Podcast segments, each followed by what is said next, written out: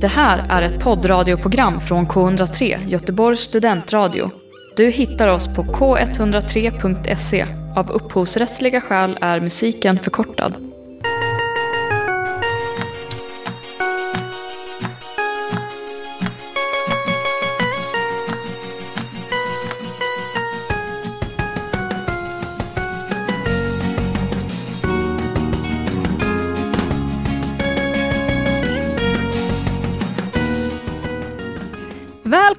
Välkomna tagning 103 denna vecka. Det här är K103 Göteborgs Centralradios film och serieprogram, där vi pratar om vad som händer nu, men också vad som har hänt tidigare i vår filmhistoria och i tv-serietablån. Idag ska vi prata om Oscarsnomineringarna som kom denna veckan. Härligt att se vilka som kanske kommer kunna vinna. Vi ska också prata om humorprogram, eller snarare det som man på engelska kanske kallar comedy specials. Humor på olika sätt som vi har sett genom tiderna. Det här kommer bli ett roligt avsnitt hoppas jag. Och vi som gör det här avsnittet, vi heter Kristoffer Rissanen. Alice Dryden. Och jag Eva Gustavsson. Härligt! Nu kör vi igång det här avsnittet. Woho!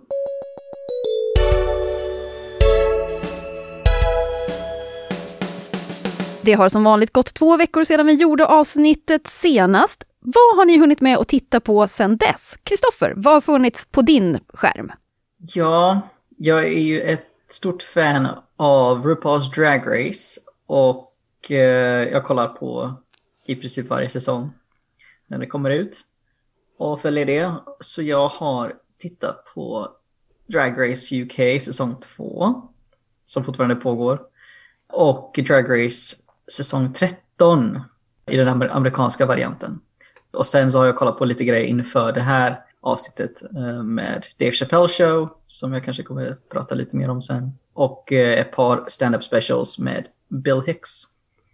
Är det alltid liksom med Drag Race? Är det liksom att du koll, sträckkollar, alltså bingar på typ Netflix eller är det så ett avsnitt i veckan så att det här är någonting som du kollar på varje vecka typ? Det blir varje vecka. Eh, men sen går jag ibland tillbaka och tittar på säsongerna igen. för att det är så oerhört rewatchable. Det och deras typ bonusavsnitt som heter Untucked. Vilket är eh, att de sitter backstage och typ väntar på vad som ska ske i, eh, efter att de har pratat med RuPaul liksom på slutet i av avsnittet. Och så är det där det brukar vara drama och emotional moments och fights och eh, folk som sitter och fnissar med varandra. Och, you know, where they kick back. Så eh, jag tittar på allt det där, of course. När du säger fights, menar du physical fights? Drag race is not a contact sport, uh, så nej. Men uh, bråka inte med en dragqueen om du inte vill bli ägd verbalt, liksom. Det är det jag säger.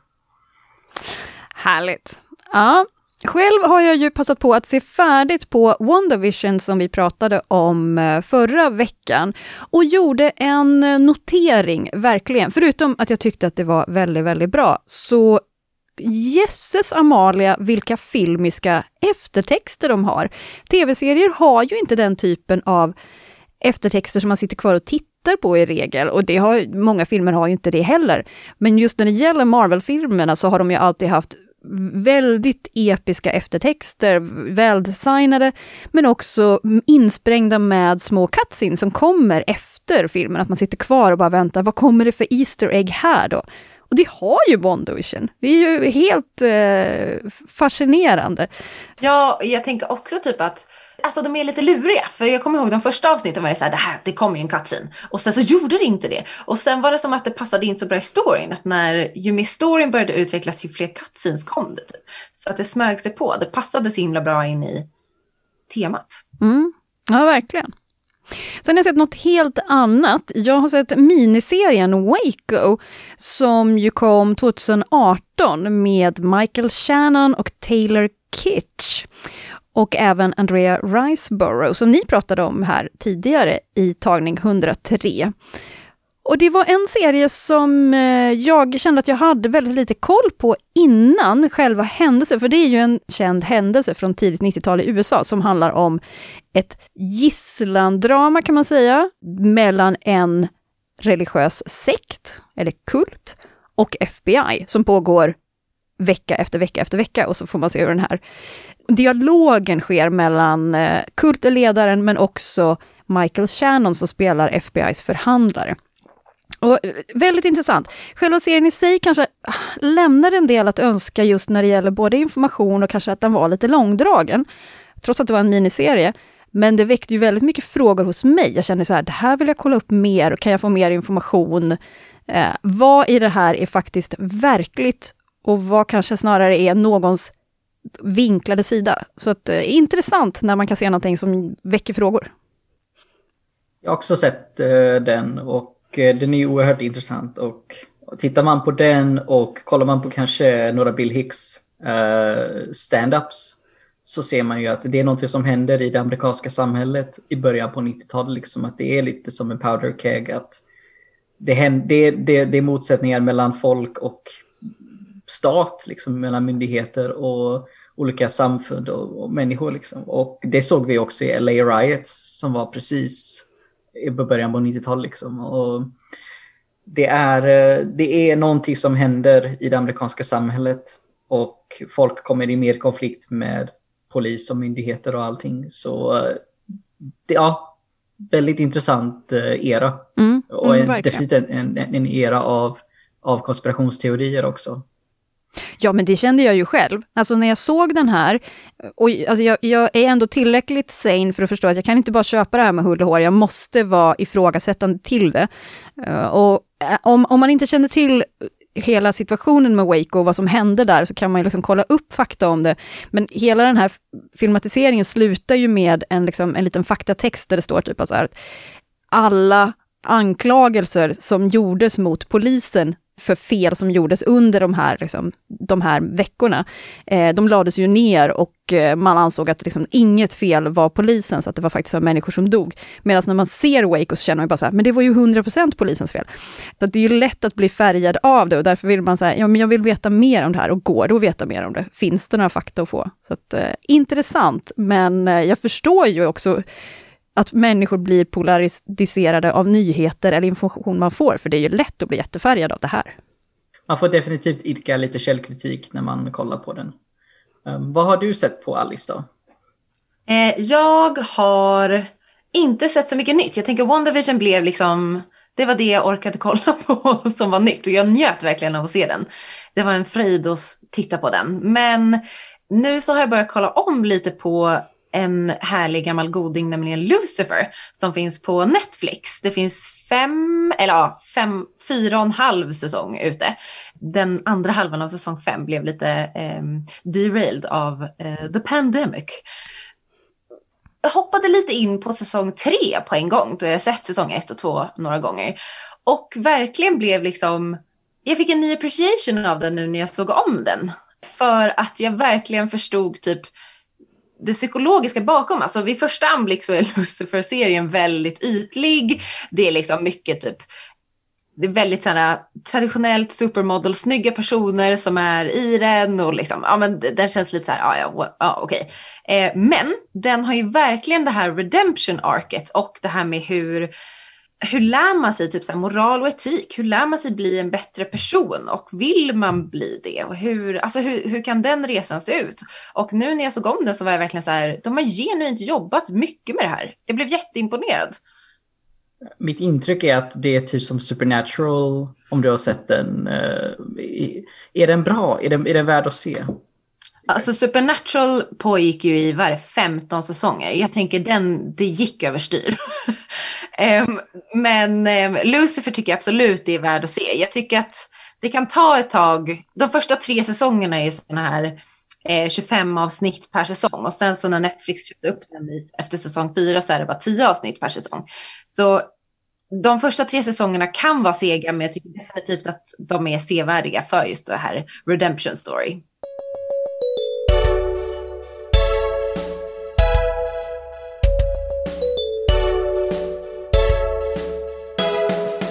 Lyssnar på tagning 103 på K103 Göteborgs studentradio.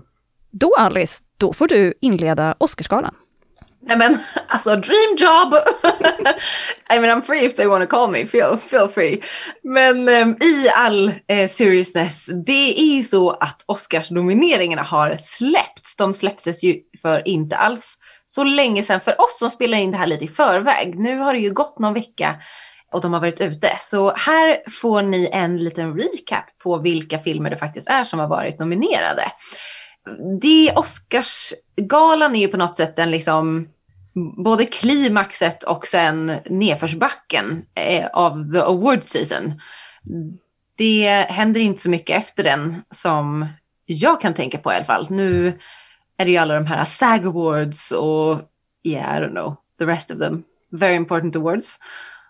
Och beroende på vem det är som är värd på Oscarsgalan så är Downfall redan på gång under själva galan. Looking at you James Franco och... Um, Anne Hathaway. Anne Hathaway.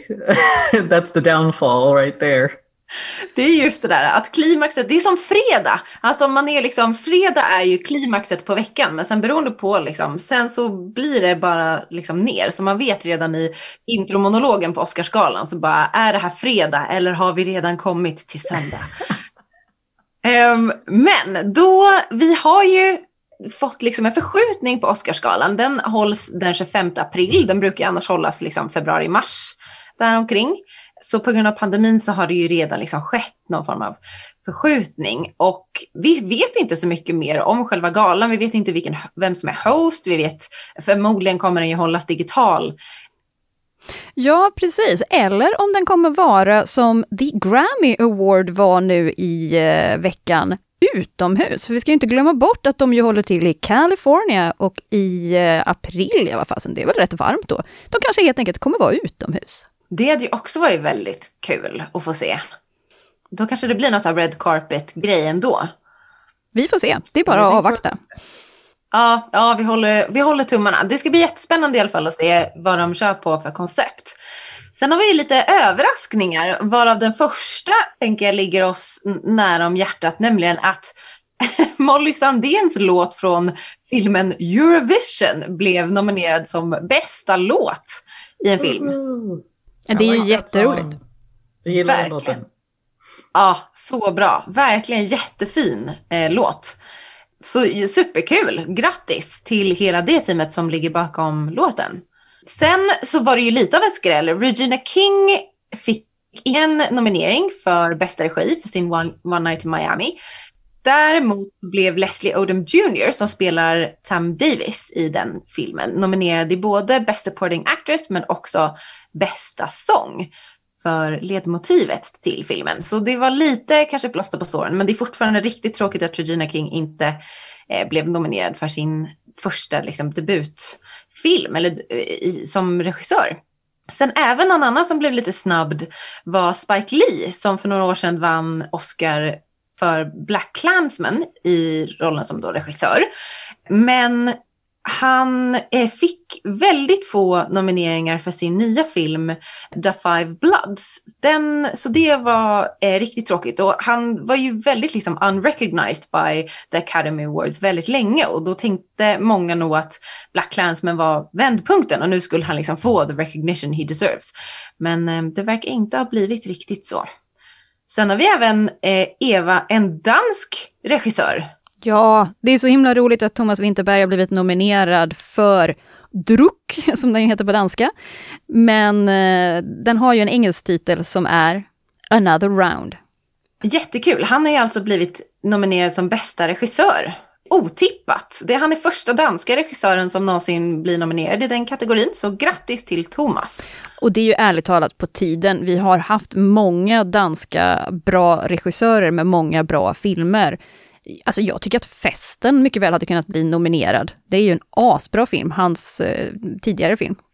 Eller Melancholia av Lars von Trier. Eh, en av de Lars von Trier-filmer som jag faktiskt gillar eh, starkt. Liksom. Ja, verkligen. Bra, kul där med dansk nominering. Då tänkte jag lista upp lite här vad, vad vi har för nomineringar. Är ni med? Håll i hatten! Då har vi lite eh, Best Picture och då har vi, det är ganska likt Golden Globes, men inte helt.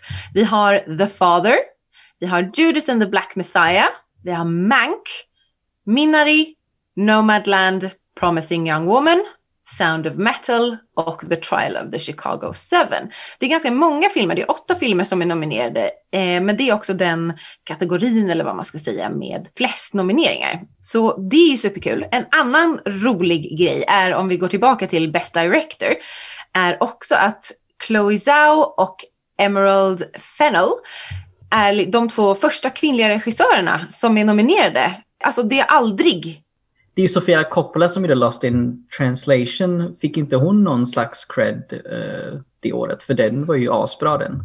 Det, hon kan ha fått det, förlåt om jag uttryckte mig otydligt. Det har aldrig varit två kvinnor samtidigt nominerade. Aha. Så det, det har varit kvinnliga regissörer nominerade. Men det, det har varit det? Eller aldrig okay. fler än en, liksom åt gången. Mm. Ah, okay. För vi har ju Catherine Bigelow som har vunnit för Hurt Locker till exempel.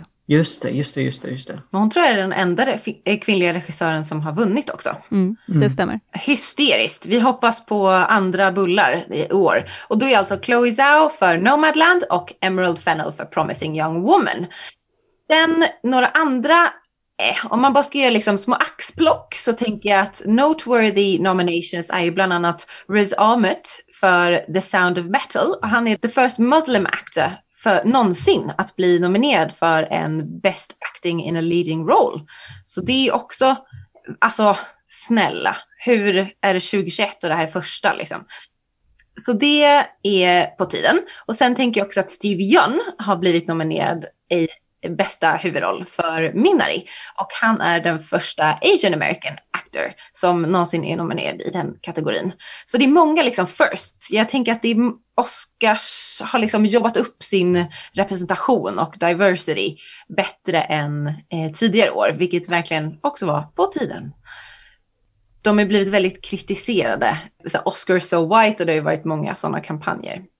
Så det är superkul. Sen har vi hur många bra actresses in leading roles som helst. Vi har Viola Davis, som har Rainey's Black Bottom, Andra Day som vann då. Eh, hon vann en Golden Globe för sin roll i The United States vs. Billie Holiday. Vanessa Kirby som vi bland annat kunde se som Princess Margaret i The Queen, men hon är idag nominerad för Pieces of a Woman.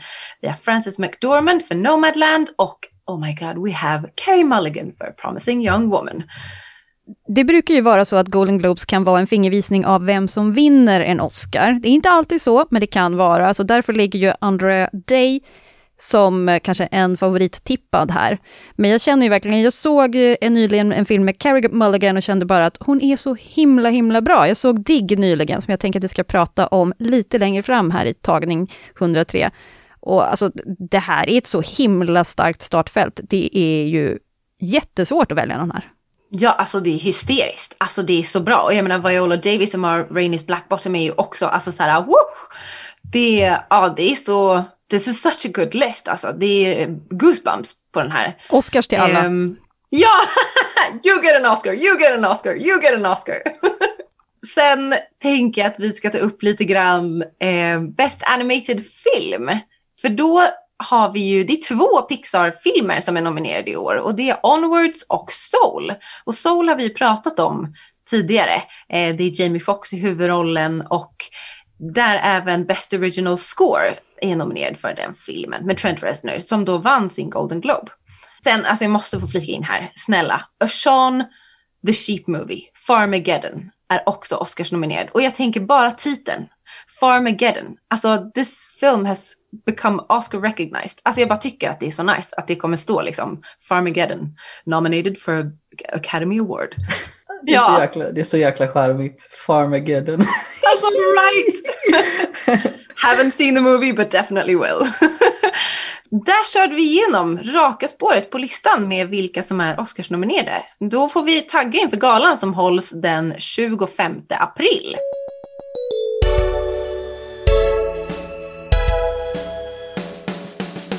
Vi har ju sagt att vi ska prata om humorprogram, comedy specials. Och eh, vi tänkte ge er en liten historia bakom hur de här kanske har vuxit fram. Men vi kommer också prata lite grann om hur de här har påverkat oss och vad man får ut av dem. Och sen självklart också tipsa om några som vi tycker att ni borde passa på att se. Och när vi pratar om humorprogram, då pratar vi ganska mycket om stand-up, filmad stand-up på olika sätt, där man gör om en ståuppföreställning som har skett på krogen till en tv-produktion. Men vi kommer ju också prata om att de här över tid utvecklas och kanske blir lite andra saker också. Vad kan man göra med konceptet? Och alltså stand-up har ju funnits jättelänge, det är ju liksom inte nytt på något sätt. Och där man började gärna med det här en person med en mikrofon framför en publik som säger saker som ska vara roligt. Och det, där finns det ju jättemånga olika stilar man kan ha, allt, allt, allt från att man berättar en, en enda historia som pågår, eller att man bara drar massa korta skämt. Varför är det så här i världen? Och jag har tänkt på det här, la la la. Där vi ju då på 70-talet började se en eh, start av att man började filma de här, så att man kunde se dem hemma, och att man väldigt tidigt på HBO var starka med att försöka samla in de komiker som fanns och ge många en möjlighet att synas. Den första filmade comedy special som faktiskt var som en fullängdsfilm, det var Richard Pryors Live in Concert. Och den visades då på HBO. Och tidigare så hade man ju mest haft små korta snuttar, till exempel att en komiker kommer till ett tv-program, tänk Letterman eller liksom eh, The O'Sullivan Show på den tiden. Och att man fick då utrymme att visa upp sig. Men här gav man då plötsligt en helt annan möjlighet för komiker att faktiskt synas och synas själva, att man liksom ägde hela det här ögonblicket. Eh, och att man fick ta lite tid faktiskt i sin rutin. En av de mest kända som eh, många pratar om är ju självklart Eddie Murphys Delirious. Den kom 83. Har någon av er sett den? Jag har ju sett den. Jag tror den finns fortfarande på svenska Netflix. Det var i alla fall där jag såg den. Och den är ju, den är ju från 83. Och det märks. Uh, Eddie Murphy är en the latest hotness liksom inom komedivärlden vid det här laget. Han står där uppe i en röd, vad kan man kalla det, jumpsuit? Ja, i läder. Uh, ja, i, i läder. I läder, en läderjumper, jumpsuit liksom. Och ser helt galen ut egentligen. Och, It's very sexy. Eh, han, säger, ja, han säger det också. Men i relation till att han säger det så är det om att han vill inte att män ska kolla på honom och vilja ha honom. Så det, kommer, det, det dyker ju upp så här uppenbart eh, homofobiska skämt i hans stand-up. Som inte hade, man hade inte kunnat göra det på det sättet för att så som det framfördes då, då är det ju, det är inte med någon slags känslighet utan det är I don't want no faggots looking at me. Oh, so not so sexy så pass. then. Så pass. Och det var ju en, tittar man på gamla avsnitt av SNL så säger de ju the n-word liksom. Uh, på typ 70, tidigt 80-tal. Oh yes. Så det, var, det, är en helt annan, det är en helt annan tidsera av vad man fick säga. Den är jävligt rolig den stand-upen och jag förstår varför den blev så klassisk. Men den, uh, att titta på den med, med, ett modernt perspektiv, uh, och det har jag märkt med några andra grejer här nu inför det här avsnittet, att det är lite svårt. Och det här får man ju ha med sig. Eh, och man får sålla och gilla och ogilla exakt vad man själv känner. För när man kollar på comedy över tid så är det ju verkligen, det är verkligen en temperatur på hur klimatet och världen såg ut just då. Eh, så som tidsperspektiv kan det vara intressant. Som värderingar kan det ju vara helt nattsvart ibland. Man bara känner, men herregud, var det så här? Och där kan man ju också se att det här var ju verkligen, det var ju mannen med mick i regel. Det var ju inte så mycket kvinna med mick på den här tiden. Liksom. Eh, även om det fanns fantastiska komiker på den tiden, som till exempel Joan Rivers, Carol Burnett, som ju idag ju har fått en legacy i till exempel att vi har The Car eh, Carol Burnett Awards på Hollywood Foreign Press Associations Golden Globe, där man delar ut i hennes ära. Liksom. Men på den tiden så var det mycket svårare för kvinnor att få det utrymmet och faktiskt få göra sin egen special. Och John Rivers, hon var ju kompis med massa stora komiker på den här tiden. Woody Allen och uh, Dick Cavett och Richard Pryor.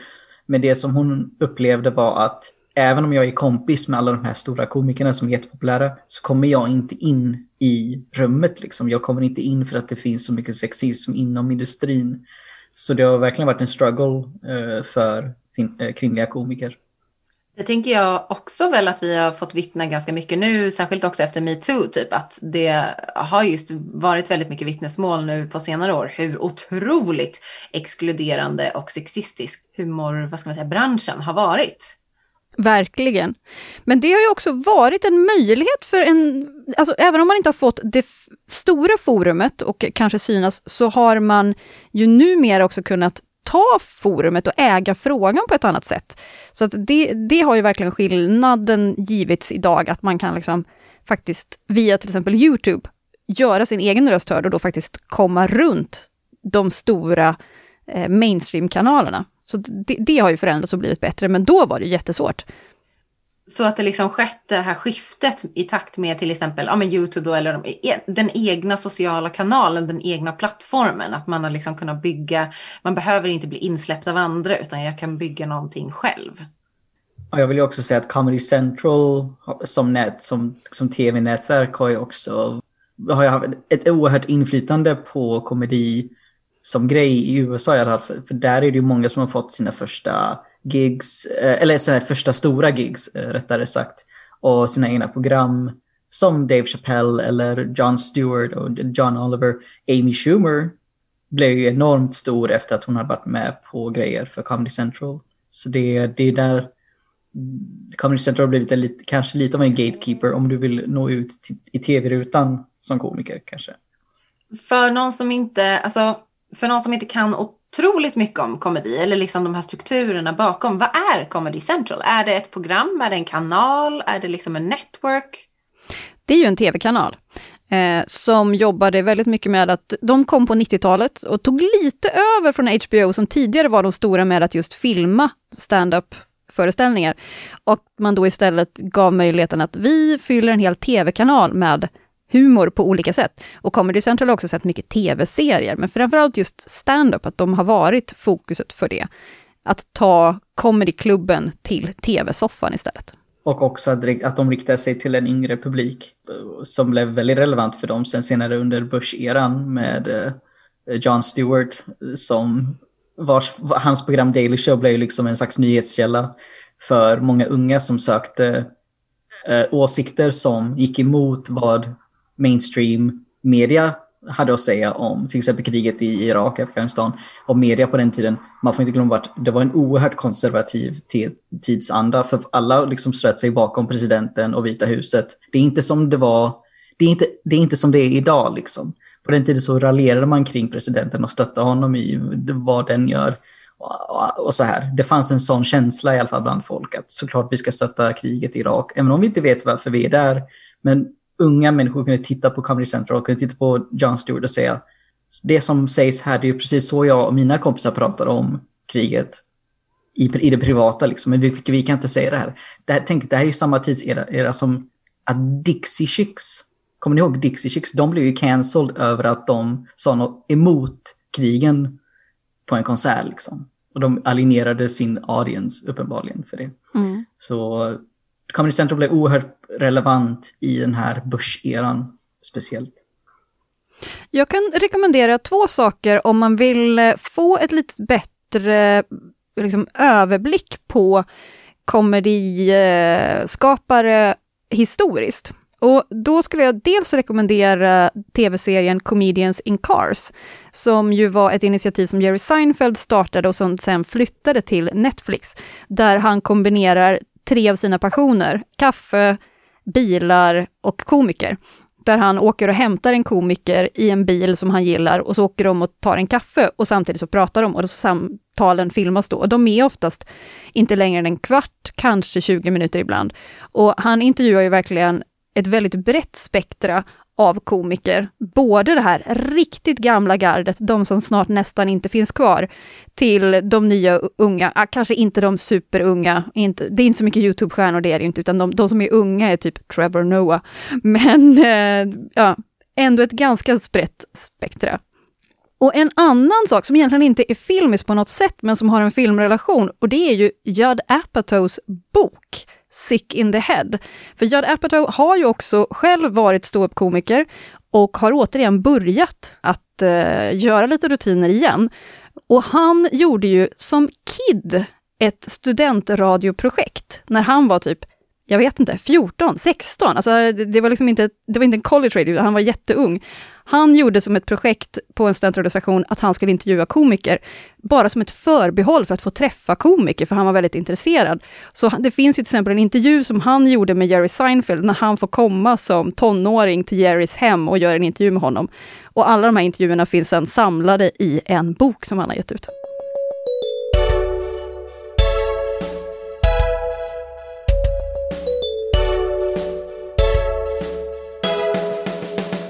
Vi fortsätter prata lite comedy. Ja, vad tycker ni att ni har fått med er av de här föreställningarna som ni har sett genom åren, eller comedy specials? Hur har de påverkat er? Så jag kan inte säga, som jag sa tidigare, att jag inte är otroligt insatt i just de här comedy specials, men jag tänker direkt på John Oliver med sitt liksom Last Week Tonight-program är ju definitivt 100% den komikern som har gjort mest liksom, impact. Jag tror jag har sett alla hans säsonger så tre gånger var. Alltså det är verkligen det som går på repeat. Och John Oliver var ju såklart med på John Stewarts The Daily Show som är korrespondent. Han har ju det legacyt med sig liksom. And what a legacy it is.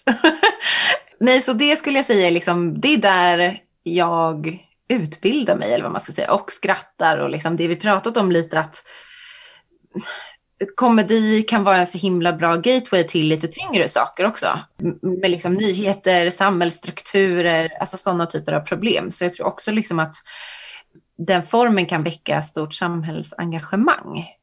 Så definitivt John Oliver. Sen, alltså, jag tror också typ mycket av varför jag kanske har lite svårt för sådana här comedy specials är för att jag kan ha lite svårt för den typen av humor det, det, är ofta som jag upplever att män skojar om hur det är att vara män.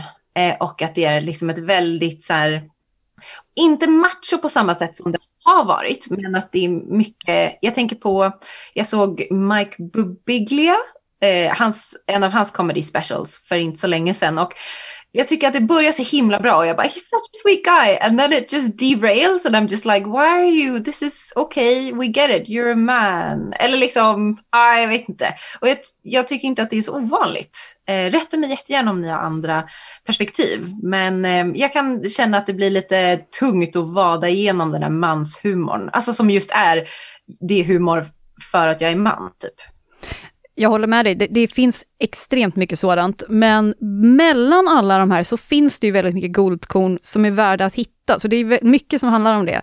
Sålla och leta för att hitta det som man känner verkligen är bra. Där skulle jag väl säga att när man väl har sållat eller liksom kommit igenom, då skulle jag ändå säga att Hanne Gadsby är väl kanske en av dem som jag och många andra också har hittat. Att hon är hennes eh, breakthrough var väl Nanette, alltså hon har gjort komedi hur länge som helst, men Nanette var ju verkligen så här wow, den blev hur stor som helst. Och det är ju verkligen någon form av feminist, vad ska man säga, alltså manifest typ. Eller det är alltså otroligt bra storytelling. Det är inte bara liksom en stand-up utan det är verkligen det här eh, storytelling perspektivet med 100% en otroligt skicklig liksom, dramaturgi och, och båge och den är otroligt liksom, stark. Så den eh, skulle jag verkligen säga, den och hennes efterföljande show Douglas var ju toppen. Och eh, gillade man dem, gillar man Hannah Gadsby så rekommenderar jag faktiskt Please Like Me som är en australisk komediserie på net, som finns på Netflix. Och hon är ju med där i en eh, jättebra roll. Liksom. Väldigt bra. Det är en väldigt bra serie för övrigt. Sen, det var intressant det du sa om komedi som ett sätt att ta till sig samhällskritik och så här, ta pulsen på vad som faktiskt Eh, är relevant inom kulturen just nu, så att säga. Och jag gick tillbaka och tittade på Bill Hicks inför det här avsnittet. Och Bill Hicks eh, var en amerikansk komiker som gick bort väldigt, han, han var väldigt ung, han var 32, han dog i cancer eh, på 90-talet och han ehm, blev ju väldigt känd för att vara väldigt cynisk och spetsig i sin stil. Mycket svordomar och mycket kritik mot myndigheter och stat och regering och såna grejer. Inte, inte på det sättet som det är idag utan från ett, ett annat perspektiv kan man väl säga.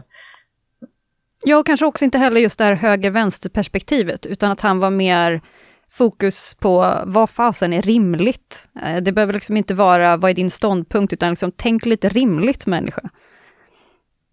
Vad, vad, är, vad är sanningen och inte nog med det, vad, vad, finns det genuina i samhället idag? Han eh, raljerar mycket om det här så här, jag älskar rock, jag älskar de här rockgrupperna som tog as mycket droger och faktiskt skapade bra musik som de stod bakom och inte mycket av musiken idag eh, på det, hans tid då som han upplevde det i mainstream som var så här. Det var corporate, det var eh, liksom paketerat och fabricerat och, det var, och de här banden sålde gärna Coca-Cola i en reklamfilm. Liksom. Man hatade ju advertising och marketing. Uh, han säger verkligen i en av hans standups, han säger if, if there's any people in this audience who are working in marketing or advertising, kill yourselves. Liksom. För han hatade, han hatade liksom hela den världen med att paketera och, och, och sälja vad som helst.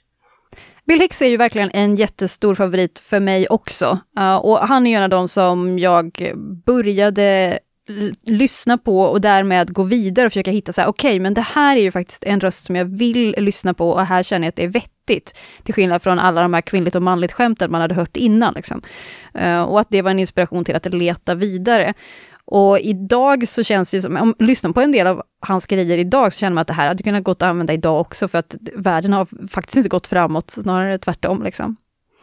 Jag tänkte på det du sa eh, här Alice om Nanette, som att man berättar en historia på ett helt annat sätt. Och det tycker jag också är någonting som har kommit mer och mer, just att man inte måste nödvändigtvis vara rolig i en comedy special. För det kan vara nattsvart och väldigt intressant ändå.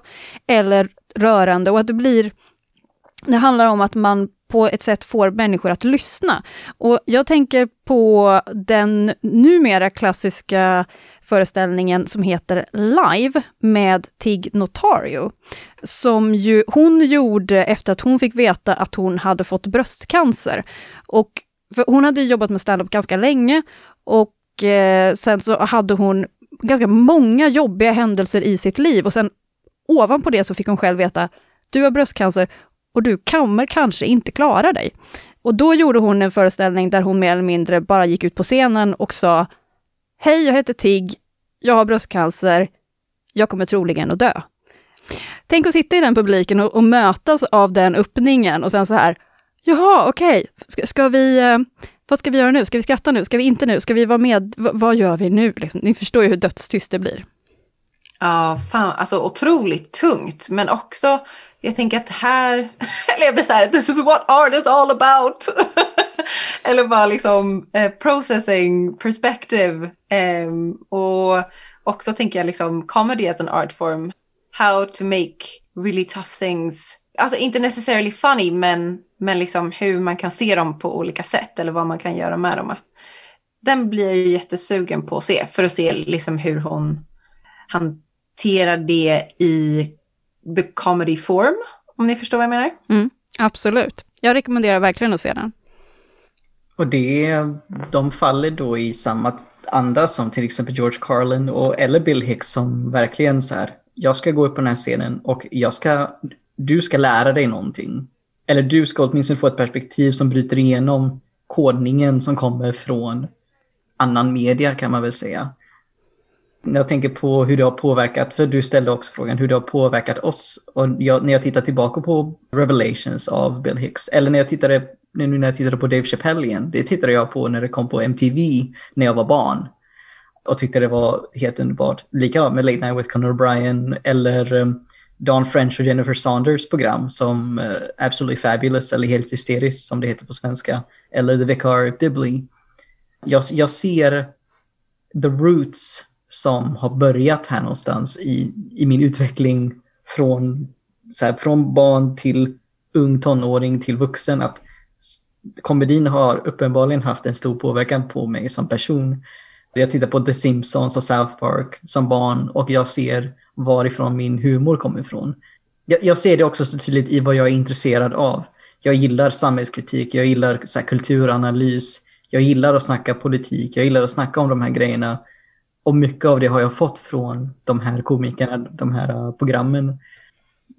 men också mitt intresse för typ så här mode och saker och ting som är väldigt camp och lite gay och allt det här. Tittar man på Absolutely Fabulous, det är ju liksom en parodi på modevärlden och marknadsföringsvärlden också. För en av karaktärerna jobbar ju med marknadsföring och som jag sa om det här med Bill Hicks, att vad är autentiskt, vad är genuint? De behandlar ju det i den serien så briljant.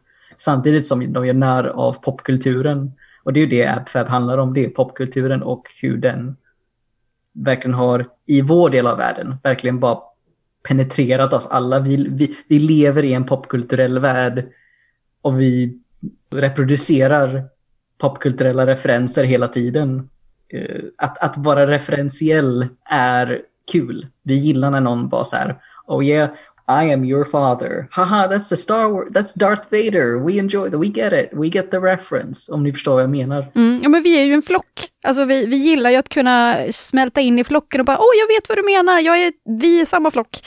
Att man vill inte vara den som är utanför, utan man vill kunna relatera till allting. För även om jag inte alltid tycker att någonting är kul, även om jag inte alltid håller med, så är det väldigt intressant att höra olika komiker från olika delar, just också för att börja förstå den andra människan. Hur uttrycker sig en superkonservativ komiker? Hur jobbar den som är eh, från ett annat land? Vad, att man får lite mer perspektiv på världen. Och där till exempel när jag har lyssnat på Aziz Ansari, när han pratar om hur det är att växa upp och ha indiska föräldrar. Eller Hassan Minaj, när han pratar om liksom perspektivet på, för han jobbar ju väldigt mycket med att göra nyheter till komedi. Och där får man liksom ett annat perspektiv utifrån min egna värld. Och det tycker jag är väldigt viktigt med humor specials. Det ger ett fönster till någonting annat.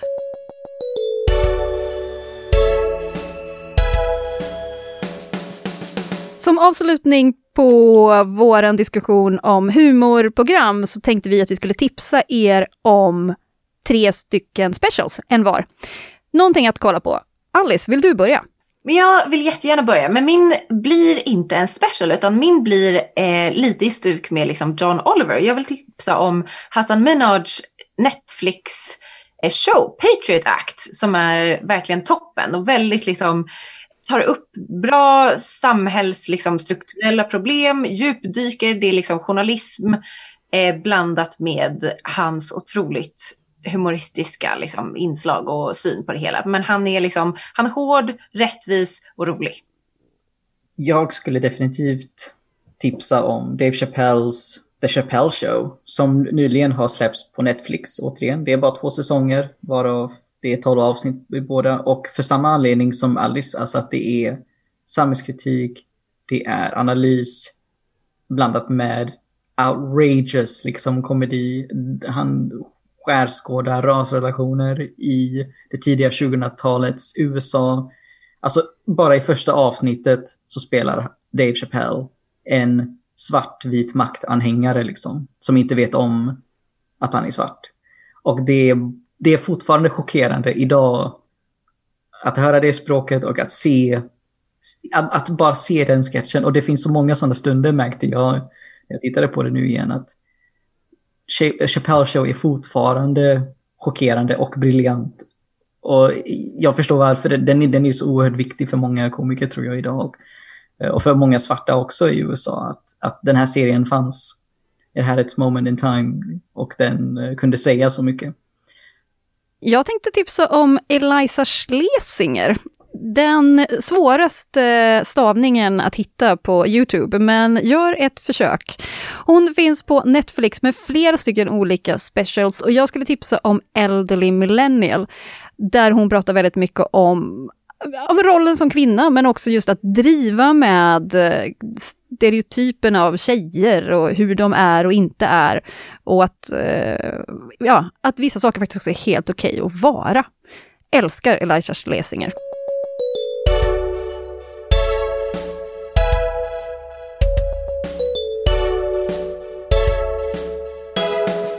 Du har lyssnat på K103s filmprogramtagning 103 med mig, Kristoffer Rissanen. Eva Gustafsson. Och mig, Alice Dryden. Och i dagens program så har vi bland annat pratat om nomineringarna till Oscarsgalan för 2021. Men huvudsakligen så har vi faktiskt pratat om komedi och humorprogram stand-up comics och allt möjligt som får oss att skratta men också tänka. Du kan lyssna på vårt program på fredagar klockan ett och då har vi också repris söndagar klockan ett på 103,1 på FM-bandet. Du hittar oss även på Mixcloud och där poddar finns. Du kan också hitta oss på Instagram och då heter vi tagning103. Och vi vill också såklart tacka Noah Gren för vår fantastiska musik. Och ha det så bra. Hej då, hej då, hej då!